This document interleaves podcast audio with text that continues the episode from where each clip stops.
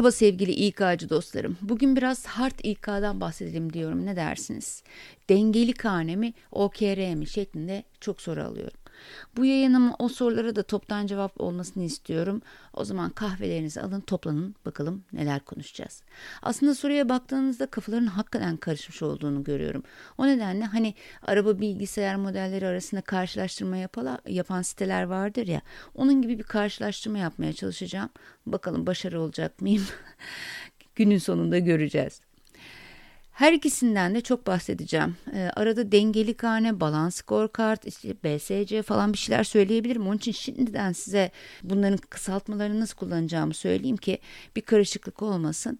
Dengeli kane için BSC diyeceğim. Amaç anahtar sonuçlar yönetim sistemine de kısaca OKR diyeceğim. Tabii ki Türkçe diyeceğim.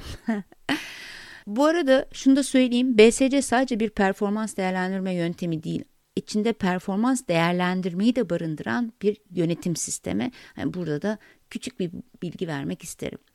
Konumuza yani bu iki değerlendirme sisteminin neyi konu aldığı ile başlayalım isterseniz. Her ikisinin de konusu hedefler. Hedef değerlendirme yapıyorsunuz yani aslında. Fakat BSC'de tamamen ve sadece sayısal hedefler söz konusu. OKR'de ise bu hedefler sayısal olması için çaba harcanıyor ama bazen sözel hedeflerde konabiliyor.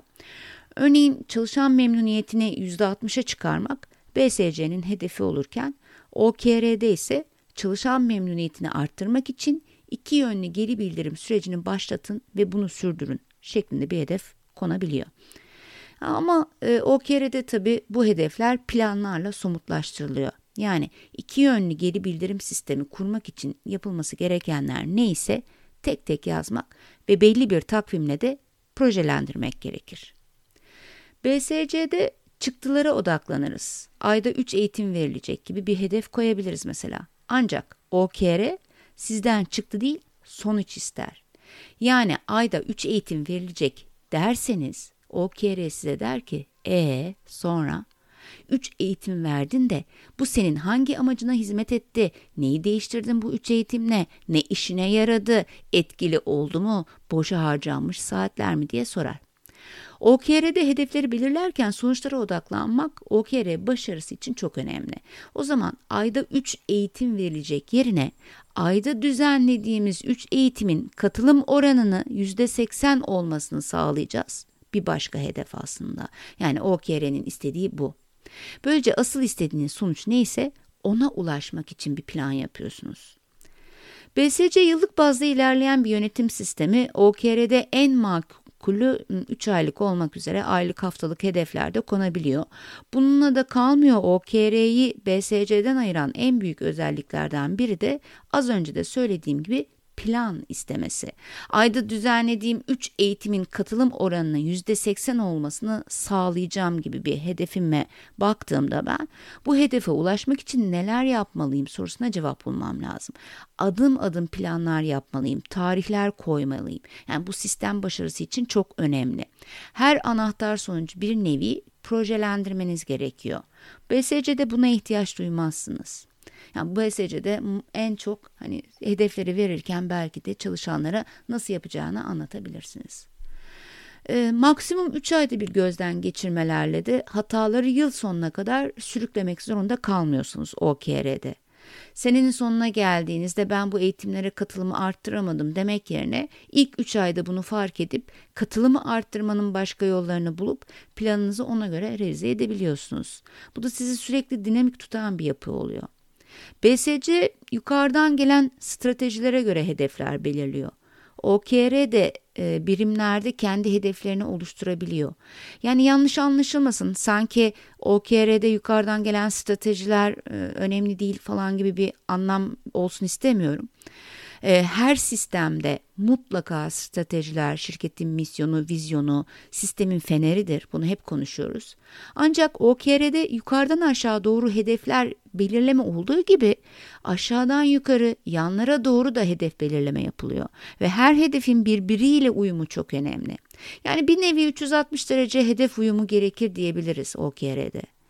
BSC'de üst yönetimden aşağı doğru yayılan hedeflere karşı OKR'de hedeflerin yaklaşık %60'ı kadarı ekipler tarafından belirleniyor. Yani bundan bahsediyorum aslında size. Şimdi hedeflerin 360 derece birbiriyle uyumu dedim ya bu hakikaten OKR başarısı için çok önemli. İK'nın eğitim katılımlarını mesela arttırmak üzerine bir hedefi var diyelim. Aynı hedefin çalışanların katılımı ve yöneticilerin de eğitimlere katılmak isteyen çalışanlarının taleplerini ne derece onaylayıp itiraz ettiği oranında ölçülmesi gerekir. Yani farkındaysanız İK'ya verilen hedef aslında diğerlerine de verilmeli. Bu yönüyle aslında Türkiye'de OKR'yi tam anlamıyla kullanmak gerçekten zor diye düşünüyorum. Çünkü e, bizler henüz tek düze hedef belirlemekte gerçekten zorlanıyoruz. Özellikle yöneticiler maalesef. Bir de diğer birimlerle sürekli iletişim kurup bu hedefleri üç boyutlu hale getirmek oldukça zor diye düşünüyorum. Gerçi tüm sistemlerde bu şekilde olsa değil mi? Çok başarılı değerlendirme sistemleri kurgulanmış olacak ama maalesef dediğim gibi hedef belirleme konusunda birçok şirket sınıfta kalmış durumda. BSC'de yukarıdan aşağı dağılımla üst düzeyde belirlenen hedeflerin çalışan düzeyinde başarısı ölçülüyor. Yani yukarıdan aşağı hedefler dağıtılıyor ve her çalışanın bu hedefi gerçekleştirme, gerçekleştirememe oranlarına göre puanlar veriliyor. OKR'de ise birimler tarafından belirlenen belirli faaliyetlerin başarısı ölçülüyor. Buradan yola çıkarsak özellikle sorunların yaşandığı süreçler için OKR hedefleri koymak gerçekten ciddi başarı getirebiliyor. Çünkü faaliyetlere yönelik ölçümler yapıyorsunuz. Ama bu yönüyle de genel olarak birim yöneticileri ve çalışanlar rutin ve sorunlu işlere odaklanıyorlar. Yani yaratıcılığı ve yenilikçiliği güçlendiren hedeflere odaklanma OKR'de biraz daha az seviyede oluyor. Bu da OKR'nin bir riski. BSC'de ise yukarıdan stratejilerle gelen hedefler olduğu için eğer üst yönetim e, birkaç sene sonrasında belirli bir yeni ürün, inovasyon, yenilikçi bir takım hizmetler yaratmak istiyorsa bunları hedeflere koyma konusunda tabii ki daha e, stratejik davranıyorlar ve BSC bu noktada daha iyi bir ölçüm sistemi olabiliyor. Değerlendiriciler açısından bakarsak e, BSC'de yönetici değerlendirmesi var. Çalışan ancak dönem sonunda kendi yaptıklarının sonuçlarını giriyor, aldığı sorumluluğun ne kadarını yerine getirdiğini oraya yazıyor. E, buna göre de değerlendiriliyor yöneticisi tarafından. OKR'de ise yönetici değerlendirme yapıyor ancak çalışan da eğer izin verilmişse diğerlerini de değerlendirebiliyor. Yani bu da 360 derece hedeflerin verilmesiyle gelen bir esneklik aslında. Ancak burada da çalışan olgunluğu dediğimiz şeye ihtiyaç var. Her zaman söylüyorum biliyorsunuz. Yani belli seviye ve üstü profesyonelliği sağlayan şirket kültürlerinde ancak OKR başarılı olabiliyor. Bu sistemleri objektiflik açısından da değerlendirecek olursak, e, BSC ölçülebilir hedefler konma konusunda ısrarcı. Hatta bunların tamamlanma oranlarına göre puan veriyorsunuz. Hedefin ne kadarını tamamladıysan ona oranla bir puan alıyorsunuz. OKR'de ise BSC ile aynı yöntemle gidilebildiği gibi sözel olarak da hedefler verilebiliyor. BSC, OKR'ye göre daha objektif bir değerlendirme sistemi. OKR'de amaç belirlemek, o amaca uygun sonuçlar yazabilmek ve sonuçları nasıl elde edeceğine dair planlar yapabilmek önemli. Bazen bu çıktıları rakamlara dökebilmek gerçekten zor. Ee, rakamlarla ifade edilemeyen ölçümlerde nesnellik kaybolabiliyor. O nedenle de OKR'de hedefler belirlenirken sonunda ne olması bekleniyorsa tüm detaylarıyla yazılması önemli. Yani bu sistemin başarısı için önemli. Şimdi çalışanın kariyeri açısından karşılaştırma yapacak olursak objektifliğiyle söylediğim her şey bu kapsam içerisinde de geçerli.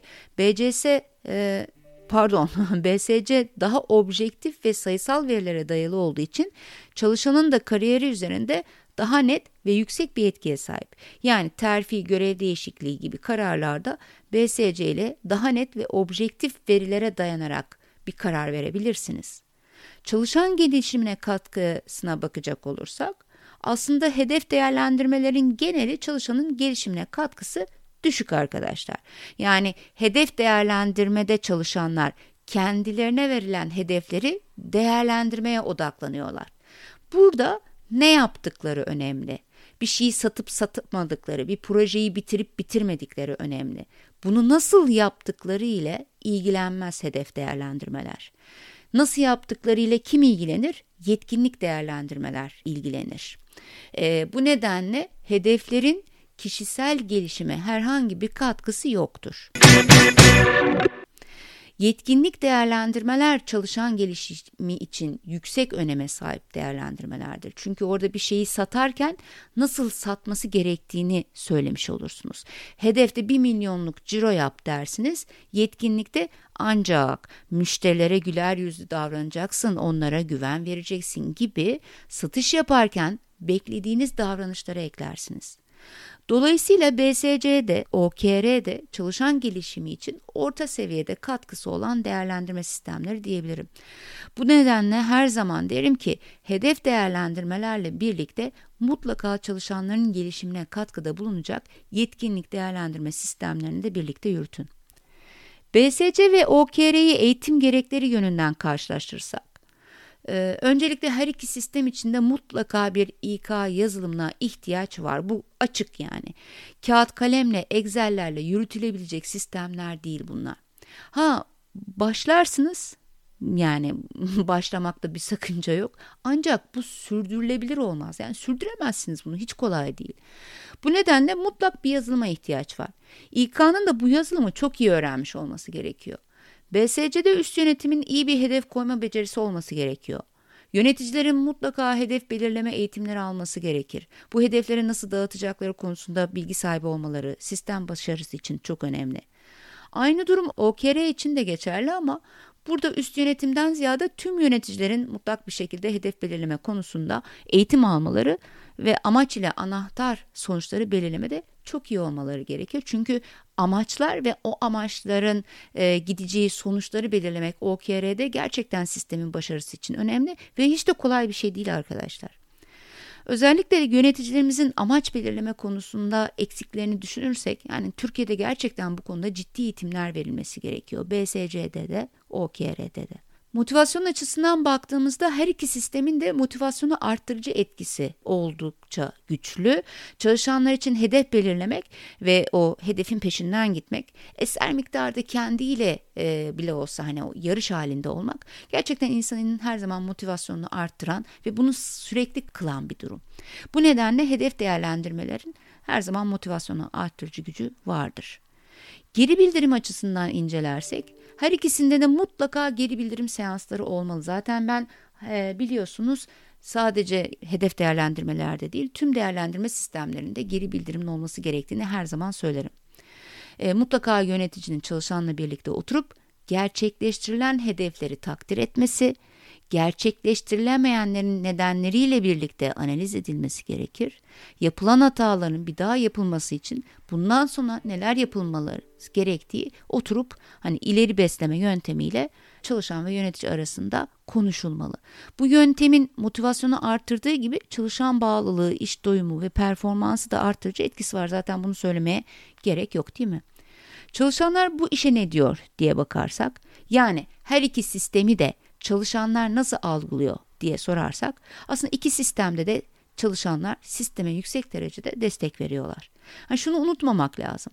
Çalışanların performans değerlendirme yöntemlerini kabul edebilmeleri için yöntemlerin mutlaka nesnel, adil, ölçülebilir, uygulanabilir ve çalışanların ödül algılarını tatmin edici çıktılara sahip olması gerekir. Yani bunu da hepimiz biliyoruz. Yöntem belirlerken performans değerlendirme hatalarından korunabilecek türde bir yöntem seçilmesine de özellikle dikkat etmek gerekiyor. E tabi bunun için de kurum kültürüne uygun, adil, kolay anlaşılır, kolay uygulanabilir ve çalışanların bağlılığını artırıcı bir yapıya sahip olmalı bu değerlendirme sistemi. Değerlendirmenin doğruluğu, kuruma katkısı, çalışanlar ve yöneticiler tarafından kabulü, maliyeti, motivasyonu arttırma gücünde düşünerek tasarlanması gerekiyor ve bu unsurları gözeterek tasarlanan değerlendirme sistemlerinde hani çalışanlar tarafından yüksek derecede destek alacak. Yani bu hani iki kere iki eşittir dört şeklinde çok bariz bir şey. Aynı şartları göz önünde bulundurduğumuzda bu iki yöntem yöneticiler tarafından da yüksek oranda destek görür. Yöneticilerin sistemi desteklemesinde etken olan bir başka unsur daha ekleyeceğim buraya. O da sistemin kolay kullanılması. Yani yönetici değerlendirme yaparken sistemi kolay kullanmak ister. Çok fazla zaman harcamamak ister. User friendly dediğimiz bir arayüze ihtiyaç var. BSC'de sistem kullanımı biraz daha zor olabilir. OKR'de bu biraz daha kolaylaşabilir. BSC yöneticilerin değerlendirme hatalarından arındıran bir sistemdir. Hele ki sistemi iyi kurgularsanız yöneticiler inisiyatif kullanmadan değerlendirme yapar. Sonuç neyse çalışan o kadar puan alır.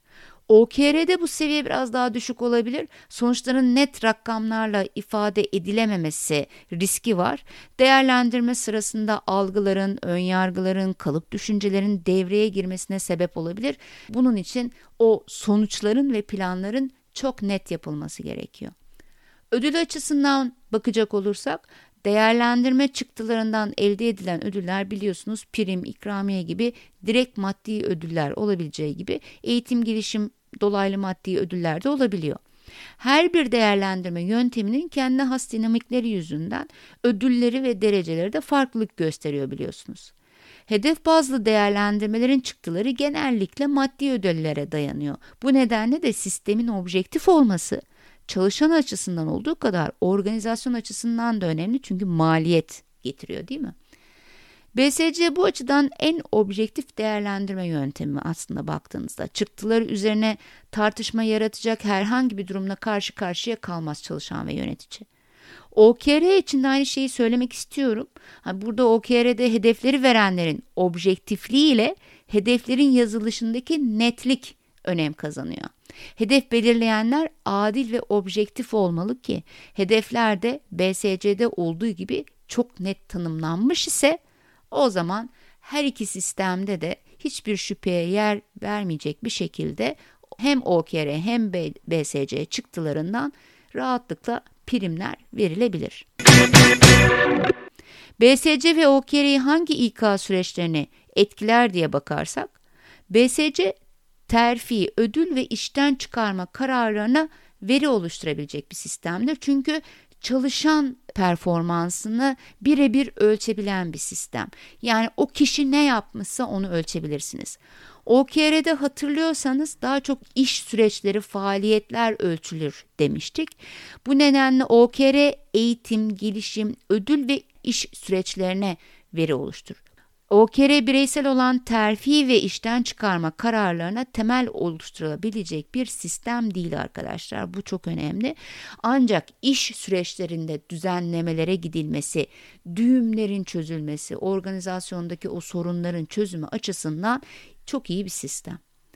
Sistemleri uygulamaya alma ve maliyeti açısından da bakarsak BSC bu noktada biraz yüksek maliyete sahip hem uygulamaya alma zamanı açısından hem de uygulamaya almaya maliyeti açısından OKR'den çok daha maliyetli olabilir. Peki bu sistemleri kritik başarı unsurları açısından incelersek karşımıza ne çıkıyor?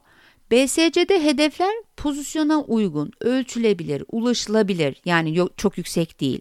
Ancak motive edici yani çok düşük de değil.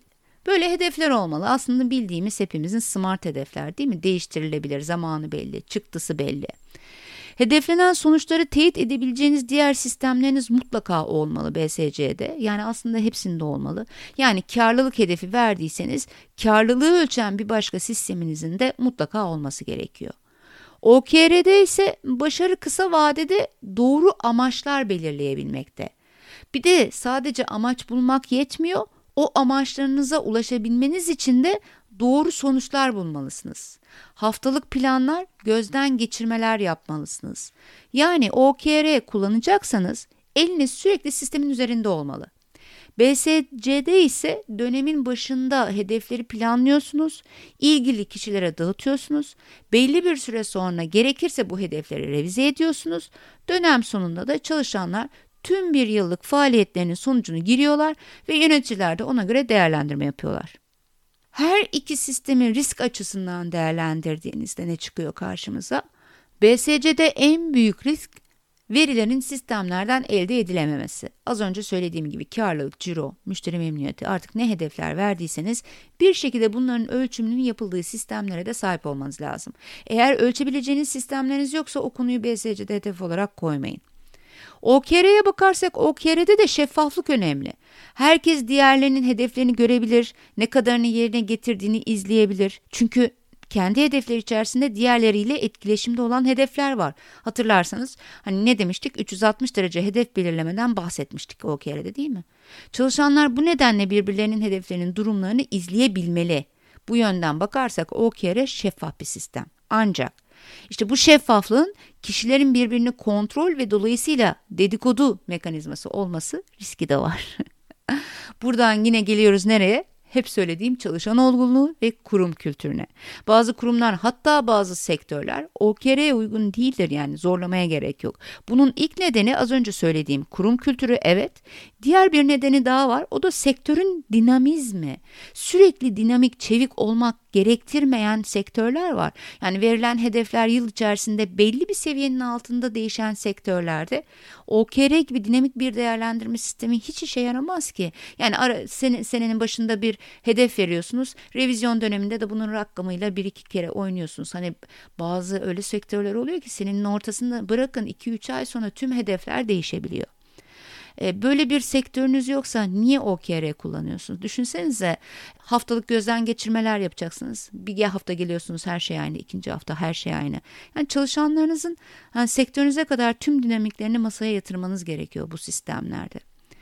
BSC ve OKR mi sorusunun cevabı gördüğünüz gibi tek bir noktada toplanmıyor arkadaşlar. Eğer beni dinleyenler arasında hani varsa bu konuda kararsızlık çeken dostlarım, size en önemli tavsiyem şu, basitten başlayın. Böylece hem İK olarak sizler bu sistemle uyarlamak için seviye seviye geçiş yapmış olursunuz. Hem de basitin başarı garantisi olduğundan organizasyona da güven telkin etmiş olursunuz. Yani hile mi bilmiyorum. Hile diyebiliriz. Böylece hani sistemi ama yavaş yavaş karmaşık hale getirdikçe insanlar da sizinle birlikte ilerlediğinden kimsenin gözü baştan korkmayacak. Küçük küçük başarılar herkesi motive edecek ve ne olduğunu anlamadan karmaşık yapıyı da rahatlıkla kullanabiliyor olacaklar. Ben her zaman bunu tavsiye etmişimdir. Hem her seferinde de sistemi giderek daha iyileştirdiğiniz için açıkçası hani çok net söyleyeyim İK olarak çalıştığınız algısını da yaratmış olursunuz. Hiç çalışmıyor muyuz demeyin arkadaşlar. Şikayetleri hepimiz biliyoruz değil mi? Eğer İK hani ne yapıyor diyen bir şirket kültürünüzde varsa vallahi bu yöntemi deneyin derim. Şaka bir yana yani bu tür projelerde güven yaratmak çok önemli değil mi? Bunu hepimiz biliyoruz. Hani güven elimize hem yönetim hem de çalışanlar açısından rahatlatıcı bir unsur. Hani ne dersiniz bilmiyorum ama e, bu anlattıklarımdan şimdi kafalarınız iyicene karıştı mı? Yoksa belli bir netlik sağlayabildim mi bilmiyorum. Umarım biraz daha netleşmiştir. Siz biraz düşünün bakalım. Ben bu arada hoşça kal diyeyim. Ha bu arada şunu eklemek istiyorum. Podcastlerimi paylaşın, beğenin, herkese bahsedin. Hani o kısmı zaten bildiğiniz için çok fazla dile getirmek istemiyorum ama söylemeden de yaptığınızı varsayıyorum. Ama gene de söylüyorum değil mi? Peki o halde sevgiler hepinize görüşmek üzere. Hoşçakalın.